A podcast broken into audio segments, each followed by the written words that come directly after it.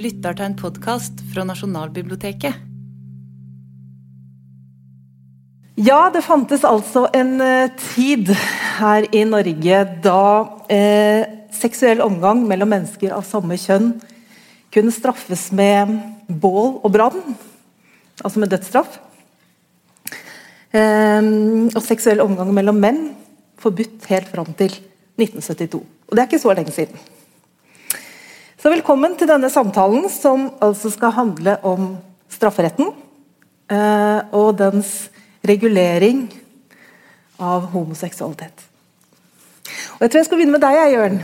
Kan ikke du gi oss en kort oversikt over strafferettens bestemmelser når det gjelder homoseksualitet? Ja, så Den eldste regelen kan vi nokså nøyaktig tidfeste til 1163-64. Da får han et forbud mot uh, hom uh, homoseksuell omgang mellom menn. Uh, og Det er litt sånn pussig, for denne regelen den gjaldt for hele Norge. Den ble vedtatt på riksmøtet i Bergen. og Så finner vi den ikke igjen noen annen sted. Og Den forsvinner òg ut av lovverket på 1270-tallet. Så Regelen var veldig spesiell i sin egen samtid og det er nesten umulig å forstå hvorfor den kom inn. fordi Det var ikke vanlig å ha regler mot dette. En hadde eh, oppfatning om homoseksuell omgang mellom menn. En eh, så på det som umandig, og det gjenspeiler seg i faktisk ganske mange regler. Men et direkte forbud var spesielt. Og Etter 1270 så er det helt stilt, og så kommer det jo for fullt tilbake. Bål og brann, som du sa. Så I 1687 får vi den regelen som setter som straff at menn som har eller omgjengelse mot naturen Det fantes to typer omgjengelse mot naturen. Det var Omgjengelse med noen av samme kjønn, og så var det omgjengelse med dyr. Og Da skulle vedkommende brennes på bålet. Så du har samme straffa for det som for kjetteri og for trolldom. Sånn at eh, Det er et tegn på at dette er en handling som snur opp ned på verdensordenen og blir straffa deretter. Og Så eh, må vi fram til en ny regel i 1842 som har en adskillig det er fremdeles en straff på alle måter, men det er en mye mildere regel. ikke snakk om dødsstraff. Det som er interessant med, med bål- og brannregelen, det er jo at eh, den ble beskrevet av en fremstående jurist, Christian Brorson, på slutten av 1700-tallet. og Han prøver generelt å forklare vekk alle strenge straffer men ikke denne. Det lengste han vil gå, det er at du kan halshogge vedkommende før du hiver kroppen på bålet. Men lenger vil han ikke gå i å formilde straffa. Det er fremdeles sitt på, på utgangen av opplysningstida som et veldig alvorlig brottsverk. Så Den fortsetter med, med, straff i 1842, den nye norske kriminalloven. Og så er det i 1889 at den blir endra på forskjellige måter. Viktigst er at straffebudet ikke lenger rammer kvinner. Så ble på nytt endra i 1902, og det er jo den regelen som i realiteten da, går helt fram til, til 1972. Men på 1900-tallet er det ganske mye diskusjoner. Det er flere lovkommisjoner som foreslår endringer. Det kunne ha gått i mange retninger før det da. Og egentlig så ville en oppheve regelen allerede på 1950-tallet, men Stortinget var ikke klart. Mm. Og så er det i 1972 den ble oppheva. Mm, mm. Eh, og selv om vi har hatt et forbud eh, i mange år, så er det ikke så veldig mange dom, domfelte. Det skal vi komme tilbake til.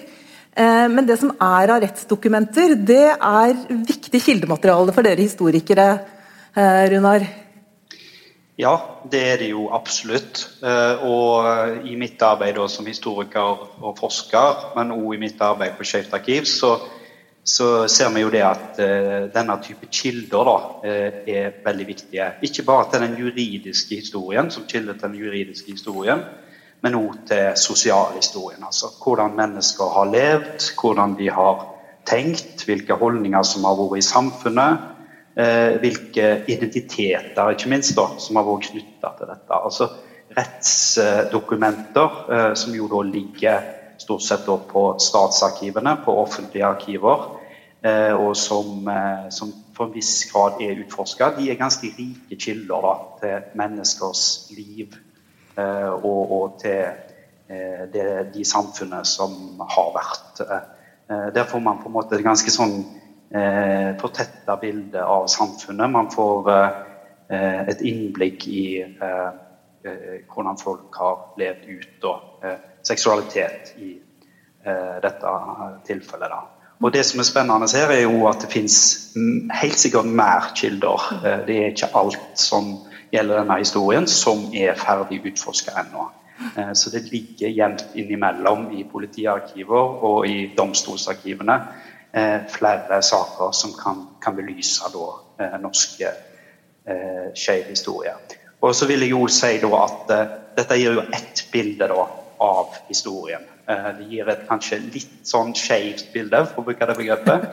Eh, eh, I og med at det da ofte er saker som kanskje har vært spesielt påfallende, da, som har vært veldig synlige i offentligheten. Men det kan òg være saker der det da har foregått et overgrep, eller der den ene parten har vært utsatt for vold eller på en eller annen måte maktmisbruk. Da. Så det er jo på en måte én sånn skjevhet i dette materialet. Eh, en annen er jo da at eh, de aller fleste sakene handler om menn. Så ja. Ja, De fleste sakene handler om menn, men det er noen saker som handler om kvinner. og Én er denne såkalte Helgeland-saken fra, fra, 1847, som jeg vet at du ble litt fascinert av når du leste om den. Kan ikke du fortelle hva den handler om? Jo, jeg tror jeg ble fascinert fordi det er så, det er så mange menn i historien, og, mm. og man har bare snakka om menn som har vært eh, kriminalisert. Men dette er altså en sak om Simonette på noen og 60 år, som da eh, har hatt seksuell omgang med sine tjenestepiker.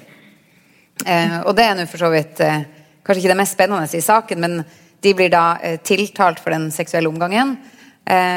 Og så fortell måten de, de, snakker om den rettssaken på, syns jeg er spennende. fordi da, eh, da, er det to ting de særlig vektlegger. Det er eh, hvorvidt dette har vært til sjenanse, altså hvorvidt de har valgt å skjule det, eller har det vært til sjenanse for befolkninga. Så det er åpenbart en sånn moralsk bit her. Eh, det at de har valgt å ikke skjule det. Men så er det også det at de leter etter en såkalt løsfyr. Fordi de, klar, de, klarer ikke å finne ut hvordan kvinner kunne ha hatt sex, og, og hvorvidt det da kan være sodomi. og sånn, Så de leter etter en løsfyr i lilla fløyel. Eh, som da blir en viktig del av dette bevismaterialet, som de aldri finner. Eh, men det sier også noe om hvor lite kunnskap man hadde om kvinnelig seksualitet, og, og hvorvidt man i det hele tatt kunne straffeforfølge det. da. Mm, mm.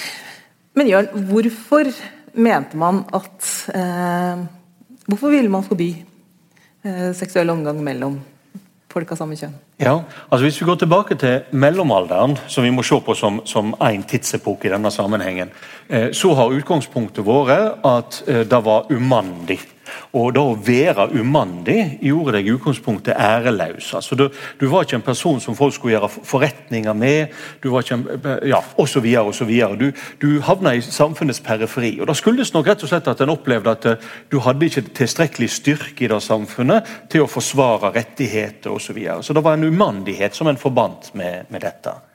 Eh, og derfor så, eh, Den regelen jeg snakket om med forbud, det er unntaket. Men så har vi ærekrenkingssaker, og ikke mange og ærekrenkingsregler som går nettopp på å beskylde f.eks. en mann for å ha båret fram et barn, altså hatt seksuell omgang med en mann. For mm. Og Det er en umandighet, og da blir du sett i samfunnets periferi som en litt utstøtt. Mm. Eh, og så Når vi kommer fram til, til etter reformasjonen, så startet et helt nytt regime. Da dreier det seg ikke om umandighet i det hele tatt. Da dreier det seg først og fremst om det som vi, vi snakket om da det gjaldt bål og brann. Du forkaster verdens orden. Rett og slett. Og Da blir altså straffa likt med kjetteri og likt med trolldom. Og Da er det rett og slett det som de er opptatt av, er samleie. Og dette samleiet som ikke har som formål å få barn. Og da er en vederstyggelighet. Eh, og Derfor så blir det straffa. Det er en sånn forestilling som vi ser er knytta all seksualitet gjennom 1800-tallet, og som er på begynnelsen av 1900-tallet. Da skjer det jo mye, psykoanalysen osv. Da begynner en å, å, endre syn på dette. Vi ser at På 1900-tallet er det mange ulike typer diskusjoner omkring homoseksualitet. Men på 16-, 1700- og 1800-tallet så dreier det seg om at dette er å ikke stifte familie og familien da er samfunnets grunnstein. Det er derav du skaper velstand, det er derav du formidler kunnskap, det er derav du formidler dannelse og lydighet osv. Alt dette kaster du på en måte eh, vrak på. Og det er som da du blir straffa. Mm, mm. Og da er det kanskje viktig også, altså det er Samme på, på 1600-1700-tallet som på 1800-tallet. Det er mannlig seksualitet, eller homoseksualitet en er opptatt av. Det fantes kvinnelig. altså eh, Det fins, som Runar Roger skrev om, altså en nidvise fra Hardanger, fra Utne, fra 1660-tallet, som handler om, om, kvinnelig seksuell omgang. Men uh, den, den, det er ingen som følger det opp. Det er bare et spørsmål om noen har framført en nidvise, og er det ærekrenkende og sånn, men det er ingen som ikke faktisk prøver å finne ut om det faktisk har skjedd noe slikt. Så da brydde en seg ikke noe å lese om. Runar, kan du si noe mer om liksom, hvilke forestillinger om kjønn er det eh, man forholder seg til? Ja, Da kommer det jo veldig igjen eh, veldig an på eh, periode, da. Eh, men eh, eh, som eh, Ingvild var inne på når det gjelder den saken fra Helgeland, da, så er man igjen ute etter denne penetreringen. og det er jo også relatert til da, den tanken om at denne omgjengelsen, da, som er en vederstyggelighet, og det er, er denne her eh, penetreringen. Da. Eh, og det forteller jo noe om, om kvinnelig, hvordan man ser på kvinnelig seksualitet og seksualitet i det hele tatt. da. Eh, så man må liksom jamføre det med, med den heteroseksuelle omgangen da, for å få det til å bli forståelig. da. Eh, men jeg tenker jo at eh, det er viktig, som Jørn var inne på, da, at det skjer et eh, tidsskifte da, på slutten av 1800-tallet med at man begynner å snakke om Før snakket man om omgjengelse mot naturen og sodomi, men så nå begynner man å bruke begrepet homoseksualitet. Og homoseksualitet betyr på en måte noe annet. Det er, det er noe mer omfattende da, enn de handlingene man snakket om før. Man snakket om syndige handlinger som, som på en måte var, eh, var eh, til skade for samfunnet. Da. Eh, og som man på 1600- og 1700-tallet til dels så på som noe som eh, hvis man ikke straffeforfølgte dette, så ville Gud straffe samfunnet. Men på slutten av 1800-tallet så begynner man å snakke, tenke på mennesket mer som et biologisk vesen. da man får darwinismen og man får denne, de nye vitenskapene om mennesket som et biologisk vesen. Eh, og Da begynner man å stille andre spørsmål da, til seksualitet. Og Da er det spesielt psykiaterne da, som begynner å snakke om homoseksualitet. Eh, og Da har man en forestilling om homoseksualitet som noe medfødt. Eh, veldig ofte i hvert fall, så er det det som er teorien fra slutten av 1800-tallet.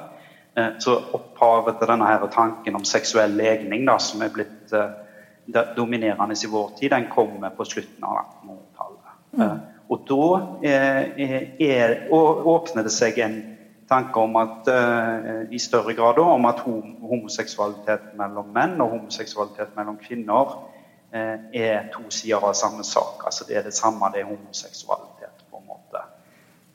men allikevel så får jo ikke dette da gjennomslag ved at man eh, også kriminaliserer eh, kvinnelig homoseksualitet. Snarere tvert imot så blir det jo da slått fast at, eh, at kvinner ikke skal omfattes av dette forbudet. Eh, men det er jo omstridt, da. Og det, det, kan vi jo komme tilbake til, da. Men, ja, vi kan godt ta det med en gang, for det var en ganske ja. heftig debatt, dette her, da? Ja, det var det. Så, og heftig og heftig, det kan du jo spørre deg om, men, men den ble iallfall tatt opp på mm. Stortinget. da. Og Da var det jo da eh, symptomatisk nok en lege da, som tok opp dette. En som heter Gunnar Kårud, han var stortingsrepresentant, og så var han lege. Og Så sier han ifølge hans forståelse da, av dette fenomenet, eh, så var homoseksualitet noe som eh, eh, i like stor grad pågikk mellom kvinner. Eh, men det var jo da ikke alle enige om. Mm. Mm. Om, skal, ja, altså, F.eks. justisministeren, da, som mente at eh, legemlig omgjengelse, eller hva han kalte det for, eh, mellom kvinner eh, hører til de umulige ting. Mm. Mm. Så vet vi det. Uh, men som det ble sagt innledningsvis, så det er jo ikke så mange som er dømt uh, etter disse paragrafene som har vært virksomme. Hvorfor ikke det? Ja, Det var en veldig bevisst politikk. Altså Det er det store paradokset her. at På den ene så har en regna dette som helt unormalt. Altså omgjengelse mot naturen. Det er selve ordenen som du utfordrer. Eh, samtidig så har en regna med at hvis dette ble kjent blant folk, eh, så kom veldig mange til å drive med det. Eh, og det Paradokset det blir aldri forklart. Eh, men Derfor var det òg veldig viktig at dette ikke ble diskutert. og det er klart En rettssak den gangen var offentlig. Eh, og derfor, Det var veldig få saker du kunne holde hemmelig. Eh, og Derfor så var det litt viktig å ikke straffeforfølge slikt, for da, da ville du få oppmerksomhet rundt det. Så Han har et praktfullt tilfelle. Det er en militær garnison, det er vel på eh, Kongsvinger, blir det vel, eller Kongsberg. Det eh, kan hende Runar kan korrigere meg. Dette er på, på midten av 1700-tallet, hvor det er mistanke om at en offiser og en soldat har hatt omgang med hverandre. Og For å slippe straffeforfølgelse, militærstraffe var veldig strenge, eh, så rømte de rett og slett landet. Og så spør en da, som den gangen heter generalprokuratør, nå vil jeg ha kalt det en slags regjeringsadvokat, hva skal de gjøre? Skal de forfølge disse? Nei, bare la de forsvinne, sånn at vi, vi slipper noe mer snakk om denne saken. Mm. Eh, og da var liksom holdninga generelt. Det var om å gjøre å ikke lage for mye styr, eh, sånn at folk fikk ideer. Eh, og Dette gjaldt spesielt 1600- og 1700-tallet. Så skal det endre seg litt på 1800-tallet, men da er det jo snakk om hva type, det er jo en spesiell type sak en begynner å forfølge på 1800-tallet. Men på, på, på 1600- og 1700-tallet så har vi nesten ingen saker. Altså det er først og fremst gjennom ærekrenking. At noen har beskylda noen for noe, så vi kan anta at her ligger det noe. Det, det er sånn vi får, får, tak i at disse tingene fantes, men ikke i, i, forhold til de rettssakene. For Jeg har lyst til å bare skyte litt inn i forhold til det, det Runar sa. altså denne Diskusjonen på 1900-tallet om, om kvinner den er jo veldig interessant, nettopp fordi hele, hele rettshistorien har jo ikke kvinner seksualitet. De kan være mottakere av seksualitet, men de kan ikke ha seksualitet. Så Enten så er de bare passivt med på det, eller så bruker de det bevisst for å lure en mann. Men det er ingenting innimellom der.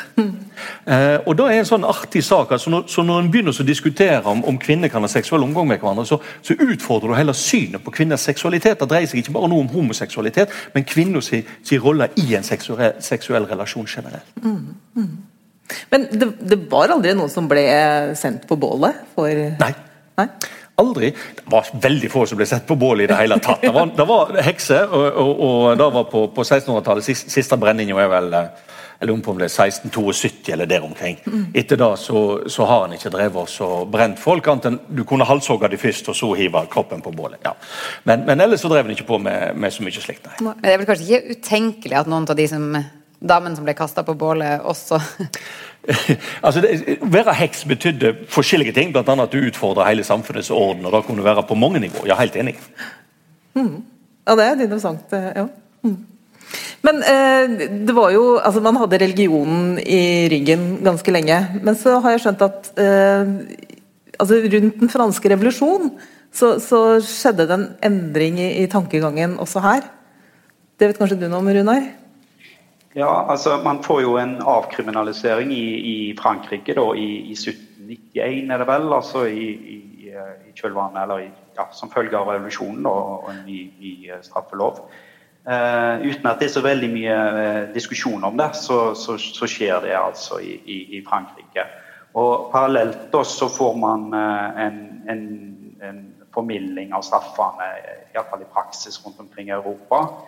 og denne her franske lovverket får jo stor innflytelse eh, gjennom, gjennom, at eh, Frankrike da erobrer andre land, og gjennom inspirasjon da utover Europa. Eh, slik at det er jo en del land da, som, som, som eh, får en avkriminalisering eh, på, på 1800-tallet. Eh, men det gjelder jo f.eks. da ikke store land som ja, Storbritannia og, og, og Prøysen, Tyskland og heller ikke i Skandinavia. Eh, så, så, der går det en mer langsom prosess, da, selv om man begynner da, å tenke annerledes om det og begynner å finne andre forklaringer og begrunnelser for, for lovverket. Eh, så, eh, så utover på 1800-tallet så blir jo da forbudene opprettholdt da, i, i, i, i, Norden, f.eks. Mm. Nei, du skulle ikke si noe? Nei. Får jeg lov å skyte en ting? Altså, jeg fulgte jo med på alle lovendringer som skjedde i Frankrike. Eh, men generelt så var tonen den at eh, det som fungerer i Frankrike, vil ikke nødvendigvis fungere hos oss, fordi franskmenn de er så hissige eh, og har så mye temperament, og vi er mye roligere og sindigere. Så, så Det som skjedde i Frankrike, hadde sjelden en effekt hos oss. Det var mye viktigere hva som skjedde i England mm. og eventuelt Tyskland. Mm. Så det var en sånn, Europa var veldig sånn kulturelt delt, og du, du søkte hen til de du oppfatta som likesinna land ved alle lovendringer, uten at jeg har undersøkt denne helt sånn spesifikt. Mm. mm. Ja, og Storbritannia tok jo med seg disse eh, lovgivningene rundt omkring der de kolonialiserte også. Så de var jo åpenbart veldig opptatt av den lovgivninga. Mm. Mm. Så de innførte forbud mot homoseksuell omgang i koloniene? Ja. Akkurat. Og det er de lovene som vi eh, fortsatt har, da. Eh, I ja, veldig mange land fortsatt. Mm. Er arva fra det. Mm. Øst-Afrika og India og mm. Men, men, om vi ser på, på det som fins av, eh, av, rettsdokumenter, Runar. Hva slags folk er det som blir tiltalt og eventuelt dømt? Ja, det er egentlig Ja, hvilke folk er det? Eh, det var et stort spørsmål. Eh, jeg klarte liksom ikke helt å ta altså, er det... Eh, det er vel slik kanskje at av de sakene jeg kjenner til, så er det vel i stor grad folk fra lavere klasser, eller ja I stor utstrekning.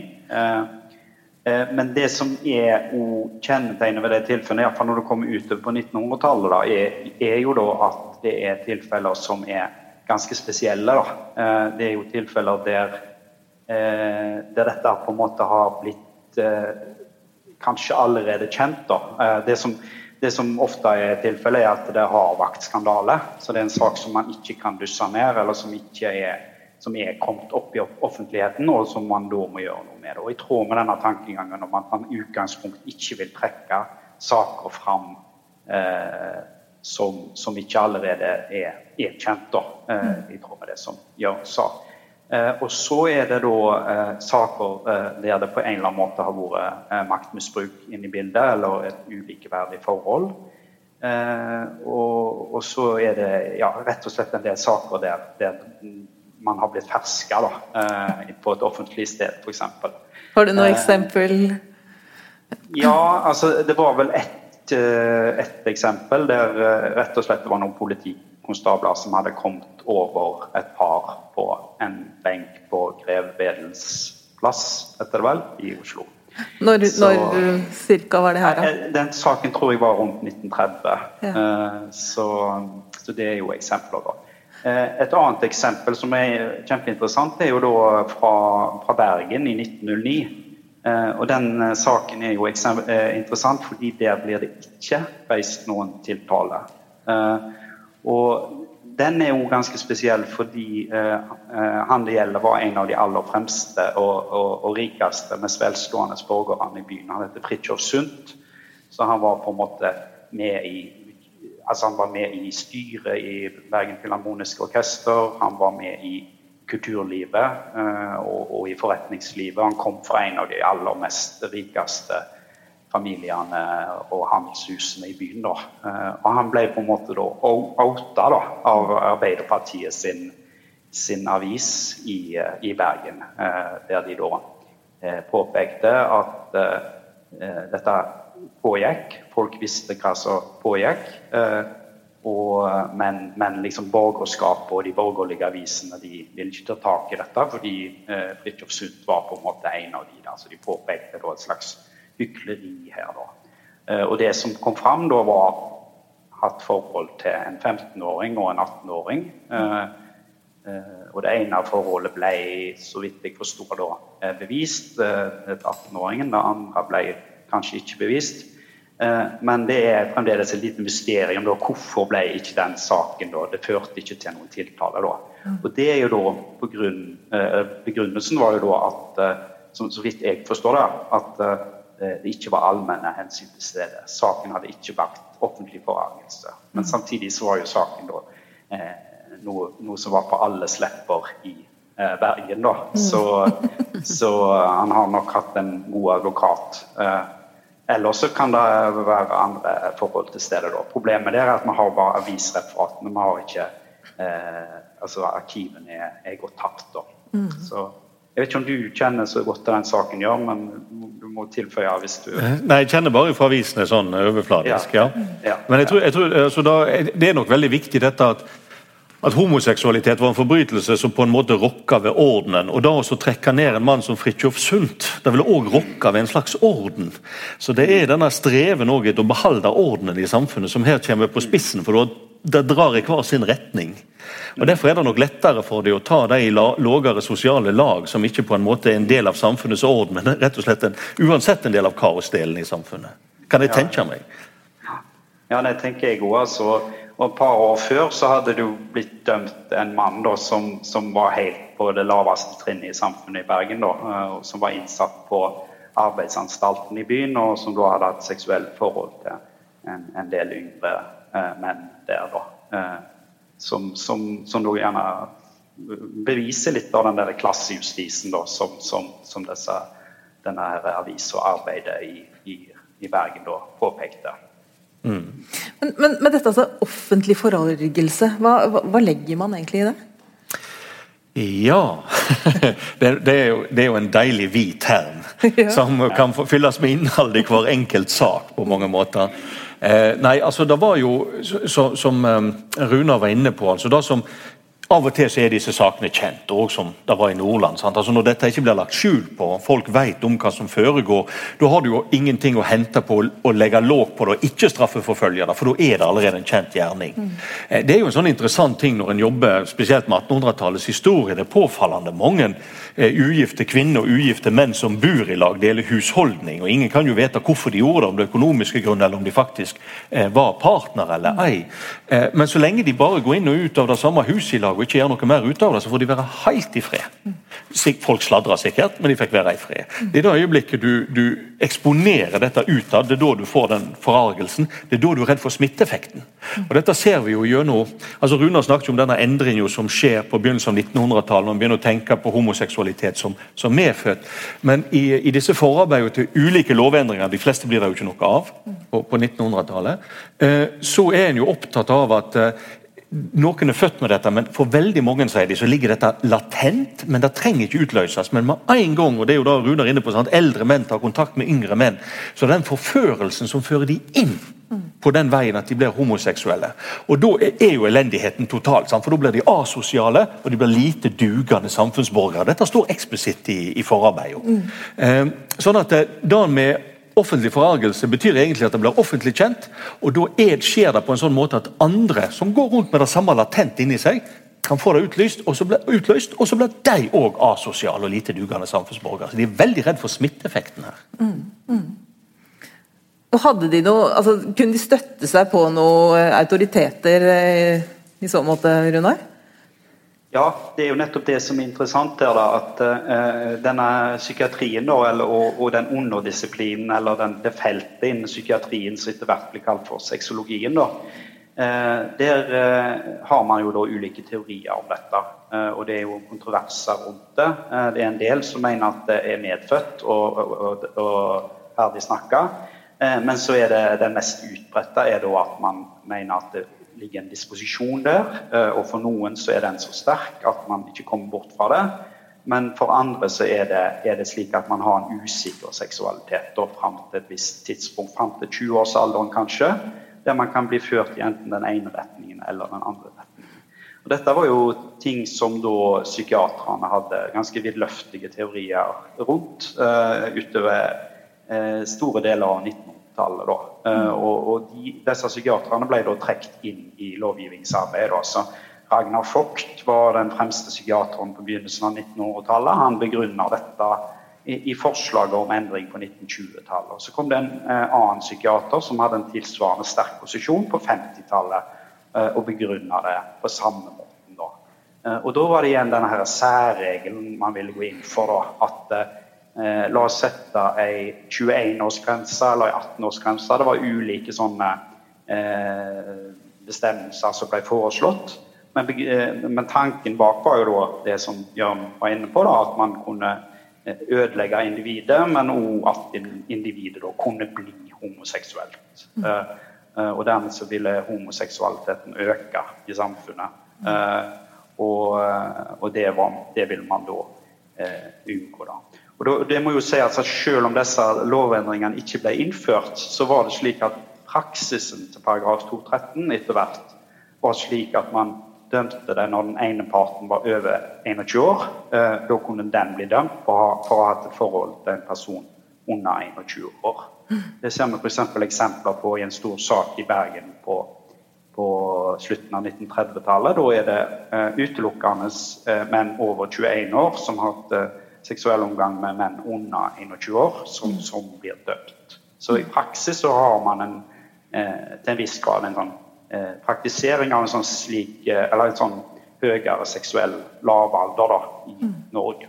Det som er interessant der, da, når vi ser internasjonalt på det, er jo at i en del andre land så får man jo dette da eh, blir, det jo, blir det jo slik at man eh, avkriminaliserer homoseksualitet mellom helt voksne, men man innfører da disse her høyere seksuelle lavalderne. Mm. Det skjer jo da i Danmark i 1933 eh, og i Sverige i 1944.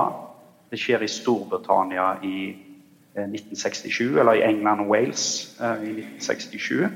Så man får ikke en fullstendig avkriminalisering i disse landene Eh, men man får altså disse høyere seksuelle lavalderne. Og Der er det jo da en eh, interessant eh, forskjell fra Norge, da, der man i 1972 får en fullstendig oppheving av forbudet.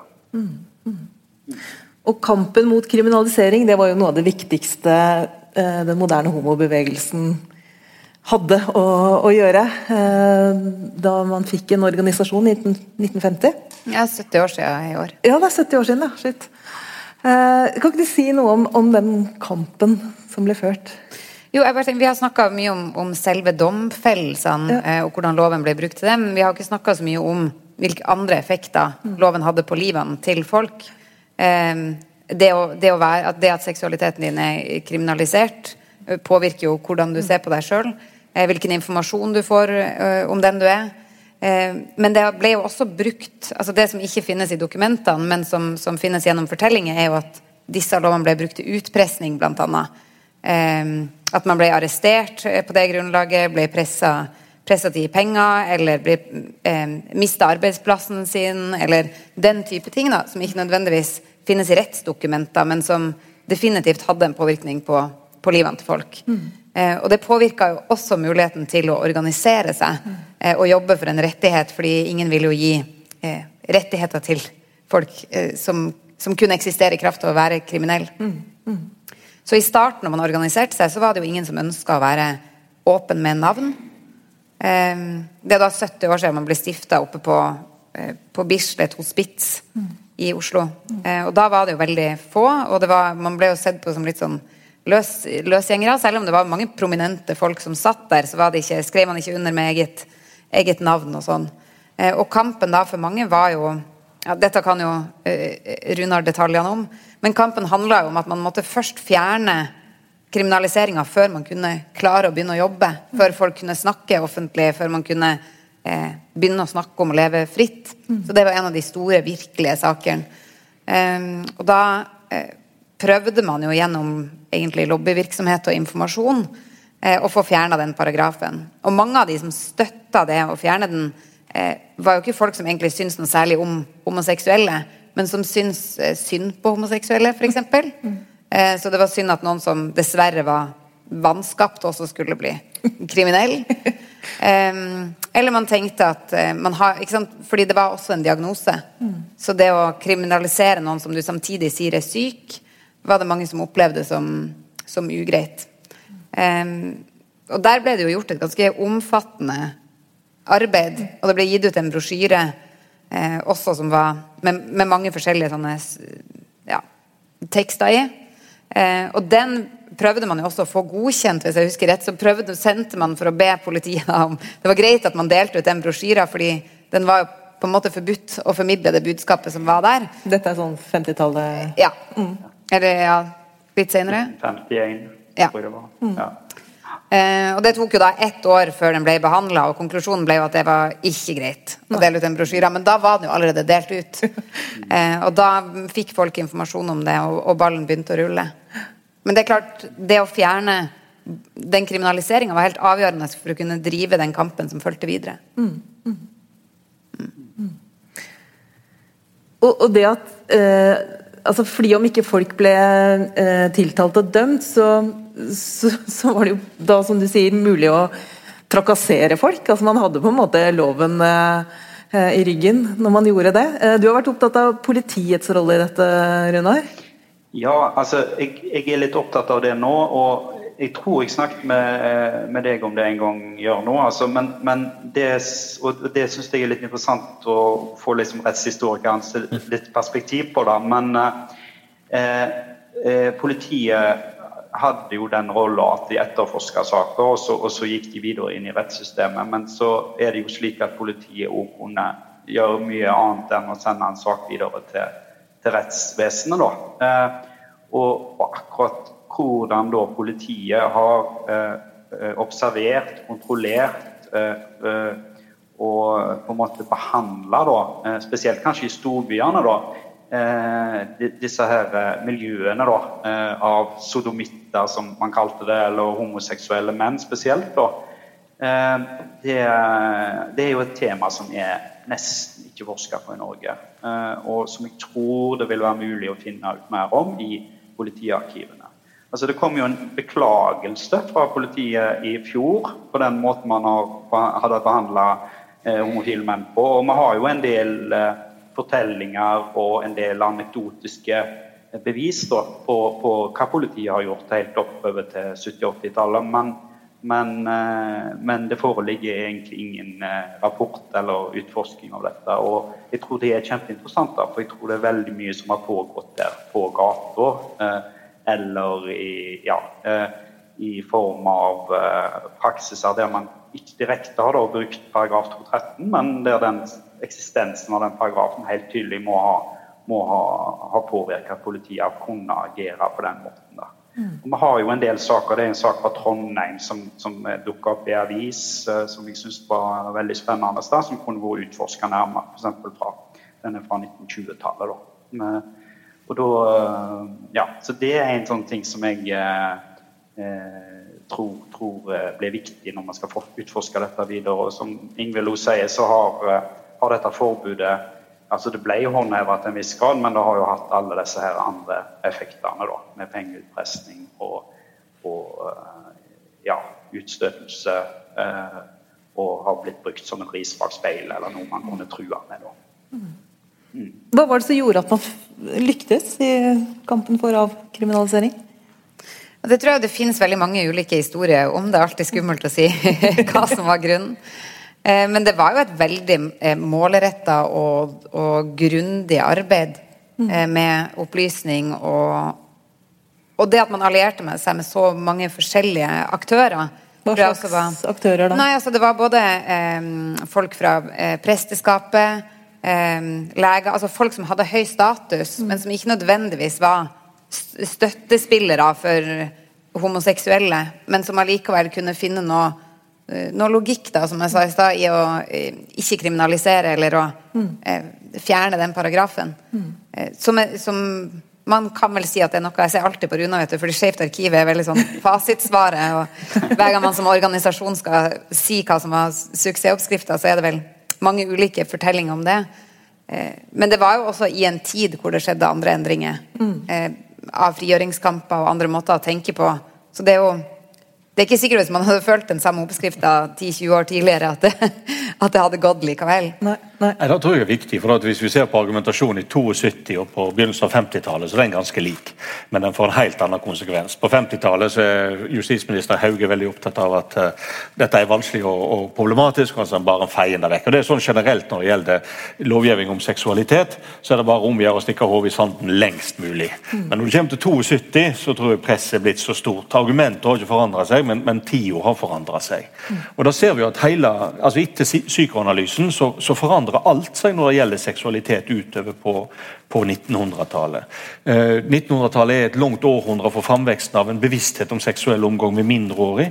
Du får eh, bevissthet om eh Eh, transseksualitet, f.eks., som, som vi ikke finner verken i, i rettsdokument eller i politiet sine arkiv, men vi finner i legearkivene. Mm. Eh, og du får eh, eh ja, dette med for barn utenfor ekteskap som blir avkriminalisert. og Etter hvert så blir barn utenfor ekteskap likestilt med barn født innenfor ekteskap allerede i 1915. Men vi må helt til 1970-tallet, omtrent 1972, før det er sosialt akseptert å få barn utenfor ekteskap. Så eh, da at en endrer synet på homoseksualitet, er en del av en gigantisk endring endring. Og det er fordi familien etter hvert spiller en annen rolle i samfunnet, tror jeg. Ja, for du har sagt eller skrevet at én uh, ting var olja i 72, men ja. uh, disse lovendringene var enda viktigere for Norge.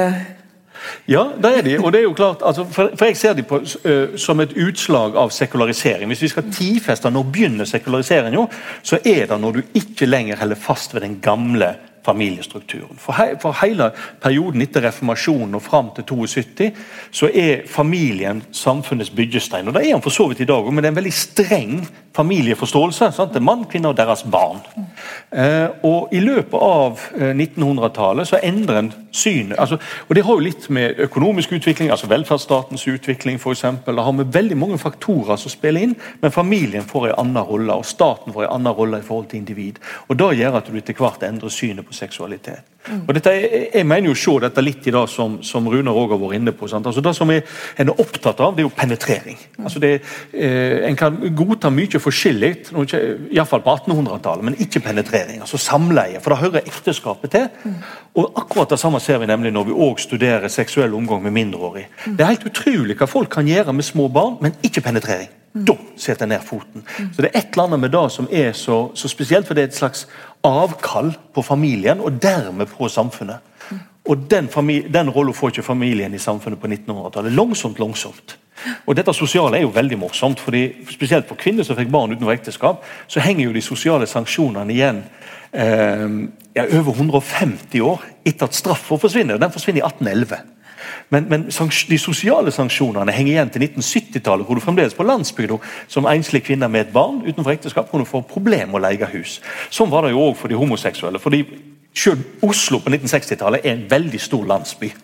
Eh, vi ser det av nettopp det som Runa var inne på, sånn, politireferatet. Disse Politikonstablene visste alt om alle de møtte på gatene. Eh, og det at Jeg er helt sikker på at de visste om alle homoseksuelle i Oslo. Garantert på 1960-tallet. Hadde oversikt over alle sammen. Og Da gjorde alle andre òg. Da får du sosiale sanksjoner. Du kan nekte de å leie f.eks. hus, sånt, eller du får problemer med å finne jobb. og sånn. Sånn at De sosiale sanksjonene har nok vært virksomme på hele 1900-tallet, selv om straffeforfølginga har vært begrenset til de eh, tilfellene som Runar var inne på med, med aldersforskjell, der en har hatt en mistanke om at det er et, et maktfor, underliggende maktforhold som kan være årsak, eller iallfall mente nå var årsak til relasjonen. Mm, mm. Det er jo litt gøy da at det var jo en del som eh, når man avkriminaliserte homoseksualitet, tenkte at nå slipper man synden løs. Mm. Nå blir det mye eh, gærent her. Men det er jo ikke det som har skjedd. Nei, altså, min innfallsvinkel, Nå er det mange nyanser til dette, men jeg syns det er veldig morsomt å ha vært at i 1972 så ble homoseksualitet tillatt, og samboerskap. Mm.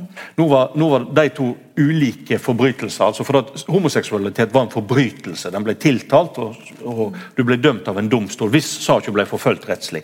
Men samboerskap var bare en forseelse, da ble du bøtelagt. Men begge er i utgangspunktet forbrytelser. Og Når du da slipper dette løs, så skulle hun jo nettopp, som du sier, altså Det han var redd for, det var jo at folk skulle gå rundt og ha sex i, i alle retninger, men ikke få barn, for da, ville de slett ikke. De ville bare ny, ha nytelse og ikke noe mer. ikke noe ansvar. Og Kampen som jeg ser da, at de homofile har ført som de har hatt suksess med innenfor lovverket, det er jo en likestilling. Når det gjelder da å få, få først partnerskap, senere gifte seg og få adoptere barn. Og det samme med samboere og etter hvert òg enslige. Så Det som er, er, er paradokset, er at mens han var redd for at nå skulle familien brytes ned og forsvinne, så ser vi jo at disse gruppene søker familie bevisst, eller ønsker rettighetene til å ha familie.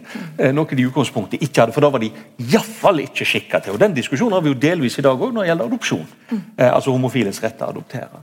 Så, så, for meg har det vært et sånn paradoks at du trodde familien skulle bryte helt sammen, og de som skulle stå for dette sammenbruddet, de ønsker seg familie. Iallfall ønsker de juridiske rettigheter til å ha familie. Mm.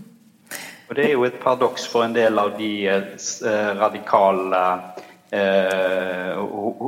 homokampen på 70-tallet òg snakket de om å knuse knus kjernefamilien. Eh, eh, og, en del som, og det er det jo en del som har den posisjonen at, at det å gå inn for en ekteskapslov, partnerskapslov og ekteskapslov og gå i den retningen var, var, var feil vei å gå, rett og slett. Men jeg tenker jo at det som er interessant med, med, kampen i dag, og den kampen som har vært ført både nå i Ingvild sin periode og, og ja, de siste 20 årene, da, er jo at man, man, man kjemper gjennom ekteskapsloven, men man har jo eh, fått en radikalisering tenker jeg da, av bevegelsen. Eh, med, med, der man har kjempa for, eh, for, eh, ja, for f.eks. da eh, avdiagnostisering av SM og fetisj. Eh, og det oppnådde man vel var det i 2011 eller noe sånt. Eh, og man har òg eh, vel eh, begynt å snakke om polyamori i FRI. Så, så, jeg tenker på en måte at det, jeg, jeg, jeg ser, veldig, ser, veldig, mye fornuft i din argumentasjon, Jørn. Men jeg tenker òg at det har skjedd en parallell radikalisering. da, At det kanskje ikke nødvendigvis er noen motsetning, da, slik man ser det i dag, mellom, mellom å kjempe for nye familieformer eller utvide familie Eh, ideen om familie, og, og, og, det å kjempe for, mer radikale, for en mer radikal queer-politikk. da. Jeg tenker at det, ikke, det, er jo ikke motsetning i den forstand, men jeg tror mye av spenningspunktet har gått med at eh, hvis du i utgangspunktet ikke har rettigheter, du i utgangspunktet ikke kan stifte familie, du i utgangspunktet ikke har beskyttelse mot trakassering på gata, eh, mot å miste jobben din, mot alle de tingene der, eh, så tror jeg det har vært nødvendig å få på plass en sånn grunnpakke. Også fordi i det at man blir behandla som annenrangs, så er det også veldig vanskelig å bli hørt. Å ha en mening som, som skiller seg fra, fra, majoriteten, eller komme med innspill. Så man trenger på en måte den, den, den grunnpakka av rettigheter som gjør at du blir sett på som et menneske og ikke som noe annet, før du kan begynne eh, å dele erfaringer eller tenke at ikke nødvendigvis verden, som, som jo har vært lagd av en liten begrensa gruppe også i Norge eh, ikke nødvendigvis var laga for, for, kvinner, for homofile osv. Mm. Men jeg tror det krever at man har eh, loven litt, litt, med seg for å klare å gjøre den jobben. Mm. Men den norske homokampen har jo, eller den skeive kampen har i liten grad funnet sted i rettssalene. Eh, I motsetning til en, i en del andre land, hvor man fører saker på en helt annen måte enn hva, hva vi gjør. Ja, og det ser vi altså I Norge så er det jo veldig, eh, veldig sånn tradisjon for at vi eh, vi prøver å påvirke de som skal lage lovene. ikke sant? Vi jobber opp mot storting og, og, de folkevalgte, men i veldig mange land så bruker man særlig Grunnloven mm. til å få sine rettigheter. Sånn at ja, altså de, fleste, de fleste, av de landene som kriminaliserer homofili, er jo eh, direkte bare arven fra kolonitida. Og så har man disse, eller britisk kolonitid. Eh, og så har man disse lovene eh, som man ikke får til å gjøre noe med.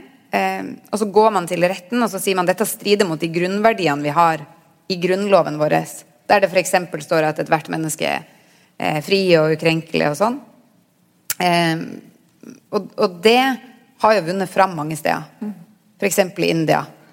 Eh, mens i Norge så jobber vi mer med, med det politiske, og det ser vi også her. Det, det, er Stortinget som vedtar lovendringen, det er ikke rettspraksisen som gjør det. Det er en litt ulik måte å jobbe på. Så veldig mange av de eh, partnerne vi har i mange land, er jurister. Som direkte jobber med endring i lovverk. Eh, mens det i Norge i mye større grad handler om å overbevise folkevalgte, eh, prøve å spre kunnskap på en annen måte. Eh, men dette er jo lover som i altså De kampene som vi snakker om her, er det jo veldig mange land som fortsatt jobber med.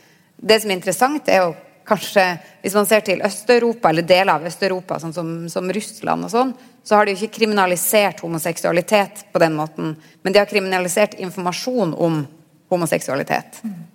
Eh, og det er jo egentlig lurere, på en måte, hvis du virkelig eh, vil at folk ikke skal snakke, ikke skal organisere seg og sånn, så, fordi det ser man i land som, som både Kenya og Uganda og sånn, hvor, ikke, hvor, homoseksualitet er kriminalisert, men man får fortsatt til en viss grad lov til å snakke om det, eh, til å organisere seg og sånn. Mens i Russland så er det jo 18 års aldersgrense på all informasjon. Eh, og veldig veldig begrensa muligheter til å møtes, f.eks. Mm, mm. Så man, man, har jo kriminalisering i langt flere land enn de 72 landene. Har du noe Ja, For det første dette med hvordan vi forandrer rett i Norge. for at eh, det altså, Klimasak er en sak der du, der du utfordrer det politiske gjennom, ved å bruke Grunnloven i en rettssal. Men det, det, det unormale i en norsk kontekst. Norsk kontekst er preget av konsensus, eh, og det er veldig viktig det som du har vært inne på tidligere. Det er ikke slik at i 1972 hadde oppdaga at eh, homoseksuelle er helt ålreite folk. For det var ganske mange som ikke mente det. Og Det skinner gjennom i forarbeidet til lovendringa òg. Men det er likevel en, sånn der, en, en, vilje til inkludering, en vilje til å skape likevel noenlunde ramme for, for, alle medlemmene av samfunnet. Og Det preger norsk politikk. Altså Bare det faktum at vi har grunn, altså vi har en av de grunnlovene i verden som er absolutt vanskeligst å forandre, og det er en av de som er forandra absolutt oftest. Nesten kul umulig å forandre, for det er to ulike storting der du må ha tre fjerdedels flertall begge ganger. Og Likevel så forandrer de den hele tida, fordi vi har en konsensusdreven politikk. Så, så det, det, er veldig typisk for Norge. Eh, det er utypisk for de aller fleste land. Og Spesielt når du kommer ned på sånne fundamentale verdispørsmål som gjelder familie og seksualitet. Da får du veldig skarpe fronter, og det er veldig vanskelig å skape en politisk konsensus. Da må du ofte gå rundt det politiske og gjennom domstolene og vise til grunnleggende rettigheter. Og Egentlig så puster bare de folkevalgte ut. De ser litt fornærma ut når de intervjuer på TV hva domstolene har gått imot de folkevalgte, men de er egentlig sjeleglade. For de greier ikke selv å skape konsensus om noe de ofte mener burde skje. Så det er egentlig et sånt normalt trekk egentlig ved norsk politikk. Nå er det jo faktisk flere av de som ønsker å eh, jobbe mot homoseksualitet eller transpersoner, sånn som har eh, som også har begynt å jobbe på samme måte. Så man prøver da å endre grunnloven sin definisjon av hva familie er, eller hva en relasjon er. Og, og sånn. I, I, Norge, eller? Nei, i flere land da, internasjonalt. Hvor man har sett at fordi det er den veien man ofte går til avkriminalisering, mm. så må vi gå til Grunnloven for å stadfeste hva mm. en kvinne, en mann, eh, en familie er. Hvis jeg da får skyte inn, altså det er jo Venstresida sin suksess, politiske suksess med å ta marginaliserte grupper inn i å gi de samme rettigheter som majoriteten, den har eh, den eh, konservative høyresiden merka seg. Og F.eks. i Russland og alles, alles andre framvekstende illiberale stater så, så bruker en jo nøyaktig den samme oppskriften, egentlig, som du sier, men nå med motsatt fortegn eller motsatt mål. Så Det er en generell interessant sånn global utvikling. Mm. Runar, altså... Øh Overskriften for denne samtalen er 'ulovlig kjærlighet'. Eh, vi har egentlig ikke snakket om kjærlighet, vi har snakket om seksualitet. Eh, hva slags forståelser av kjærlighet finner du i, i disse rettsdokumentene som, som, finnes? Det var et uh, godt spørsmål. Så litt vanskelig å svare på, altså. Jeg tror du må lete veldig godt og mellom linjene, men du finner jo de små glimtene, da. Så nå fikk jeg veldig lyst til å gå tilbake til materialet og se mer etter det. da. Eh, det er mye fokus på, på, på handlingene da, hele veien. For man skal finne ut hva som har skjedd. Og, og, og, og siden loven er ganske teknisk på det, så, så, må man da finne ut hva som faktisk har skjedd. da. Eh, men man finner ting innimellom der, altså. Eh, man finner liksom sånne små historier om en, en fyr på 1890-tallet som, som hadde hatt eh, seksuelt forhold til, til, en mann hjemme hos seg sjøl, og så eh, står det liksom i, eh, i rettsdokumentene at eh, etterpå så hadde de ligget i senga, og så hadde han sunget for ham. Altså den type ting. Sånne små historier kan man finne innimellom der. da. Eh, så kanskje man må tråle de rettsdokumentene enda litt mer da, for å finne, finne disse historiene. da. Men ellers så tror jeg nok at kjærlighetshistoriene òg fins i andre kilder. da. Eh, kjærlighet og hengivenhet og den type ting finner man kanskje òg eh, ikke minst da en del brevsamlinger og den type ting som, som, ligger på Nasjonalbiblioteket. Og en del av de historiene har jo òg blitt tatt fram nå i senere tid. Og, og, der er det interessant at der finner man òg ganske mange historier, faktisk flere historier som gjelder kvinner, eh, enn, en når man går i eh, rettsdokumentene. Mm. Vi skal begynne å runde av snart, men det er én ting vi ikke har sagt noe om, og det er retten til et privatliv. Altså Alle samfunn regulerer jo seksualiteten på ulike vis. Altså Man har bestemmelser om hvem som får gifte seg med hverandre. Sånn, ja, ikke nær familie og sånne ting. Og de fleste samfunn har også bestemmelser om seksuell lavalder på et eller annet vis. Men hva trenger vi av reguleringer? Vi trenger for mye privatliv. Jeg vet ikke om det er rett altså, Det har jo ofte vært retten til privatliv som har vært brukt. Jeg tenker at det mennesker Det er en utfordring der, da. ikke sant? Fordi at man har jo også, Retten til privatliv har også blitt brukt for å argumentere for f.eks. maktmisbruk i hjemmet. Og, og sånt. Man skal ikke bry seg om det som skjer innenfor husets fire vegger. Så det er en vanskelig balansegang i eh, når vi skal være innafor og, og utafor. Um, og Det har jo vært noen spesiell lovgivning knytta til f.eks. Eh, barnepornolovgivninga, som også på en måte eh, handler om hva du eh, Altså ikke involvering av andre mennesker, men handler om litteratur, f.eks. Og så har litteratur blitt unntak. Men, men fortellinger, tanker, det, det, man gjør i sitt eget hjem som ikke involverer andre mennesker, når skal det kontrolleres, når skal det ikke det? Det er veldig vanskelige spørsmål fordi, eh, fordi hjemmet i høyest grad også er politisk. Um, men man trenger i hvert fall et vern som gjør at du ikke um, mister jobben din eller, eller, friheten din fordi du lever på en måte som ikke samfunnet nødvendigvis syns at det er et gode. da. Mm. Mm. Vi, vi, står nok overfor et uh, dilemma. for at uh, en, en, del av den, all den frigjøringen som skjedde i forhold til seksualitet i løpet av 1900-tallet, og spesielt 60-70-tallet og 80-tallet og framover, det var jo knyttet til at du gikk ifra at seksualitet hørte til et moralsk regime, til at det hørte til et samtykkeregime. Kunne du samtykke til sex, så var sex greit. Om det var imellom like kjønner eller ikke, så, så, var det greit. Og Så sto du igjen til slutt med jeg pleier å sette litt på spissen, at, det, at sex med mindreårige, like og dyr var ikke bra. For der har du ikke samtykkemuligheten. Mm. Men så har du jo eh, hatt en parallell utvikling, som du beskriver. Altså, på, samtidig så innfører du termen ekteskapsvoldtekt, som jo ikke eksisterte tidligere. For ekteskap var en, en, en, en kontrakt der du òg samtykker til sex. Den, med da du sier ja i kirka, så har du samtykker til sex resten av livet. Eh, så Ekteskapsvoldtekt vokser fram som et fenomen. Eh, vold i, i nære relasjoner, og seksualisert vold, vokser fram som et fenomen. og da betyr jo at, at, da du begynner å stille spørsmål ved jo selve denne samtykkekonstruksjonen, hva er det du egentlig samtykker til, og er samtykke fritt, f.eks. Altså, hvis noen ber om å ha sex med deg, og du vet at du blir banka gul og blå hvis du sier nei, er det da fritt, f.eks. Det er nå blitt kriminalisert i, i, vår straffelov. Det var det ikke tidligere. Sånn at uh, Vi har også begynt å stille spørsmål ved den samtykkekonstruksjonen. og Det har også skjedd gjennom metoo-bevegelsen.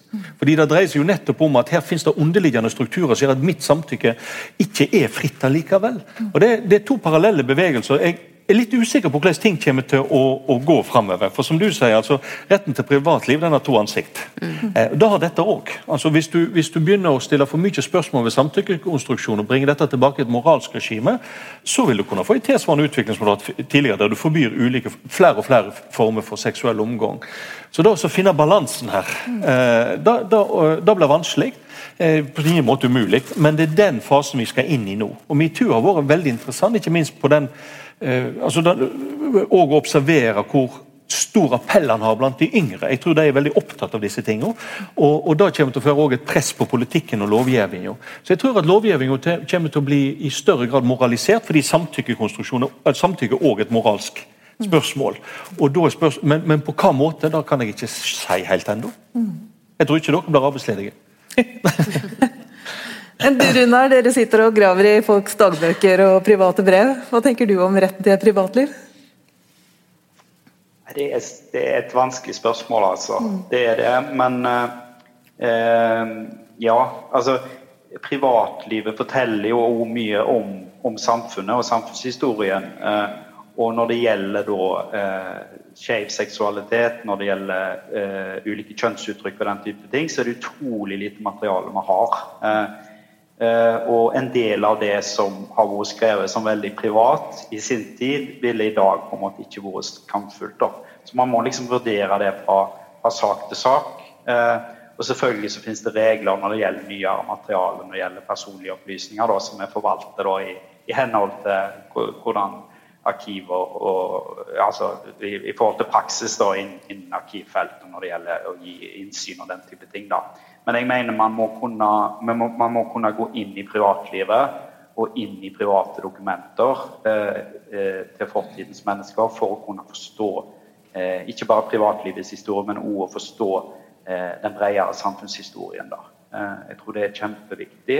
Eh, og, der, og, dermed så blir det rettsdokumenter og brev og dagbøker og den type ting. Det blir da som på en måte sånn fortetta innblikk i et samfunn, da, der, der normene i et samfunn blir liksom uttrykt på en privat eh, på en privat måte, men på en måte som man ikke finner i andre, andre kilder. Så det er vanskelig, men det er en viktig type kilder til historien. Mm.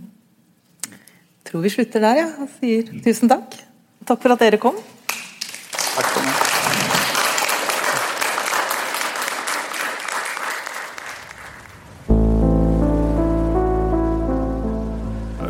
Altså, man kan jo ikke oppdage en sånn historie uten å bli litt sånn i Se og Hør-modus, selvfølgelig. Dette er pikant. Rett på! I samlingene til Nasjonalbiblioteket så finnes det spor etter et helt hav av dunkle drama og glemte liv fra Norges historie. I podkasten Gamle greier så skal jeg, Askild Matre Aasarød, fra det lille studioet midt i kjelleren under Nasjonalbiblioteket i Oslo, nøste opp de her mysteriene. Det er en voldsom kjærlighetshistorie, rett og slett. Abonner på Gamle greier gjennom den podkasttjenesten du bruker.